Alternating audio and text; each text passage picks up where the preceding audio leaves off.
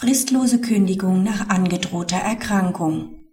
Die Androhung einer Erkrankung nach abgelehntem Urlaubsantrag ist regelmäßig ein wichtiger Grund für eine außerordentliche Kündigung.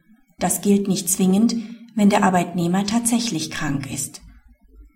Der Arbeitnehmer ist beim Arbeitgeber für die Erstellung der Immobilienabschlüsse zuständig, die in die Jahresabschlüsse einfließen. Er verlangt am 24.05.2005 schriftlich die Gewährung von Urlaub für Freitag, den 27.05.2005, einem Brückentag.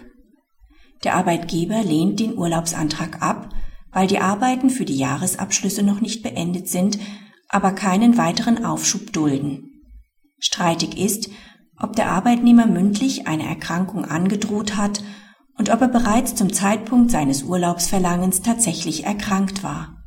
Jedenfalls legt er noch am selben Tag eine Arbeitsunfähigkeitsbescheinigung bis zum Freitag vor und bleibt bis dahin der Arbeit fern. Der Arbeitgeber kündigt daraufhin fristlos.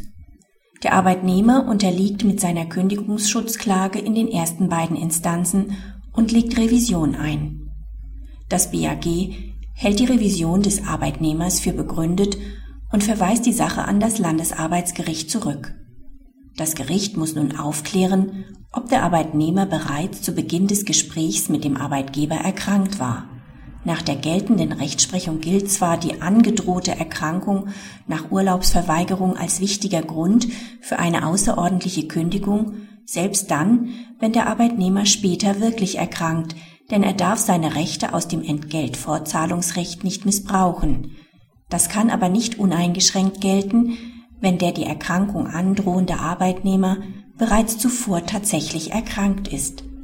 Er darf zwar wegen des allgemeinen Rücksichtsnahmegebots seine Krankheit nicht als Druckmittel einsetzen, eine eventuelle Störung des Vertrauensverhältnisses wiegt in diesen Fällen jedoch weniger schwer, so dass nicht ohne weiteres von einem wichtigen Grund zur außerordentlichen Kündigung auszugehen ist.